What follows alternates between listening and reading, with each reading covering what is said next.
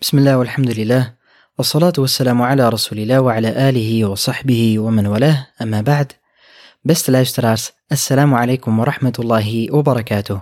Welkom bij aflevering 10 van onze reeks Een kijkje in het leven van de profeet sallallahu alayhi wasallam. Rond het 40ste levensjaar van onze profeet sallallahu alayhi wasallam ontwikkelde zich bij hem de voorliefde voor afzondering.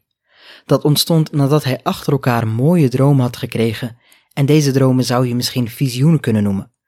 Wat hij precies in deze dromen zag was niet bekend. Maar het was duidelijk dat deze dromen helder waren en dat er gebeurde dat wat hij had gezien. Hierna kreeg hij dus de voorliefde om zichzelf af te zonderen van de mensen. En dit komt waarschijnlijk voort uit het feit dat de profeet sallallahu alayhi wasallam zich steeds meer wilde distancieren van de afgoderij en slechte gedragingen van Quraysh. En dit afzonderen deed hij in de grot Hira. En deze grot bevindt zich in wat men nu noemt Jebel al-Noor. En sommige van de metgezellen zeiden dat het feit dat de profeet sallallahu alayhi wasallam daar naartoe ging al een wonder op zich was. Want deze berg was moeilijk te bereiken en was ver van waar hij woonde. Laat staan nog dat de grot Hira alleen te bereiken was met heel veel moeite. En daarom verbleef de profeet sallallahu alayhi wasallam ook lang op deze plek.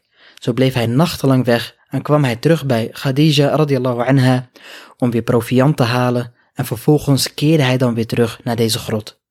En dit laat ook maar weer zien hoe dapper de profeet sallallahu alayhi wasallam was. Want wie durfde nachtenlang alleen in een donkere grot te verblijven?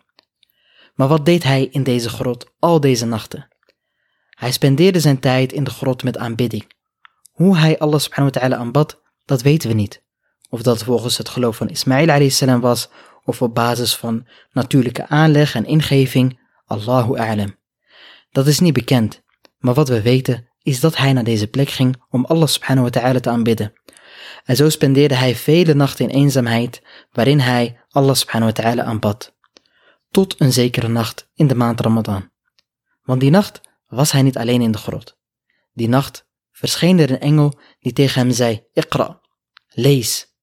En de profeet sallallahu alayhi wasallam zei over deze gebeurtenis dat hij antwoordde, ik kan niet lezen waarop de engel mij greep en mijn hart samendrukte, tot ik het niet meer kon verdragen. Vervolgens liet hij mij los en zei, Iqra, lees. Ik antwoordde, ik kan niet lezen. Daarop greep hij mij een tweede keer en drukte mij samen, tot ik het niet meer kon verdragen. En hij zei weer, lees. Waarop ik antwoordde, ik kan niet lezen. Waarop hij mij een derde keer greep en mij samendrukte, en vervolgens liet hij mij los en zei, Ikra, bismi rabbika alladhi khalaq. Khalaq al-insana min alaq. Ikra, wa rabbuka al-akram. Lees, in de naam van jouw Heer, die alles heeft geschapen. Hij heeft de mens geschapen uit een bloedklomp. Lees, en jouw Heer is de meest edele. Hierna keerde hij terug naar Khadija, terwijl zijn hart beefde van angst. En toen hij binnenkwam bij Khadija, zei hij, bedek mij, bedek mij, waarop ze hem bedekte.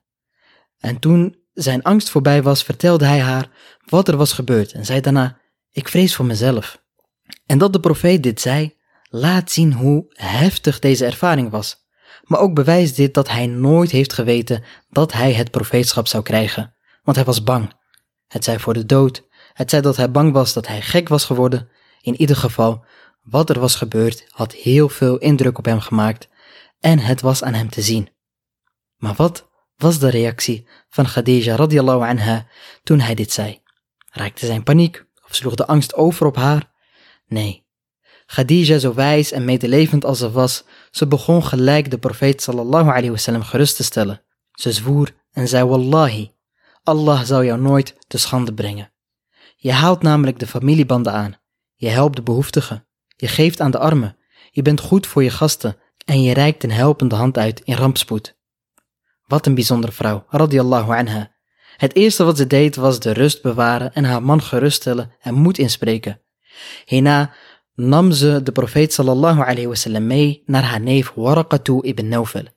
En Waraqa was een oude blinde man die kennis van de christendom had en van de Joodse geschriften. En tijdens zijn reizen die hij had gemaakt, was hij op zoek naar het ware geloof. En zo was hij bij het christendom uitgekomen dat in die tijd nog veel van de waarheid bevatte. En op die manier was hij ook een uitzondering binnen Quraysh. En toen Khadija met de profeet sallallahu alayhi wasallam bij hem aankwam, vroeg hij de profeet sallallahu alayhi wasallam wat hij had gezien.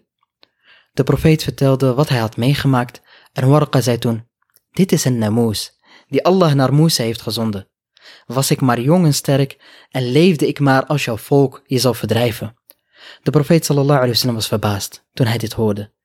Hij was zich namelijk bewust van hoe gerespecteerd en gewaardeerd hij werd door Quraysh.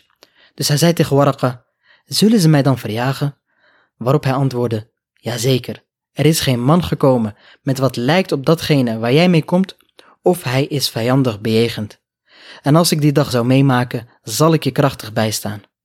Warqa was een ware gelovige op zoek naar de waarheid, met kennis van de voorgaande religies. Hij geloofde heilig in deze nieuwe profeet, die al was aangekondigd in de oude geschriften. En niet veel later overleed Warqa en de profeet sallallahu alayhi wasallam heeft gezegd dat hij in het paradijs zal zijn.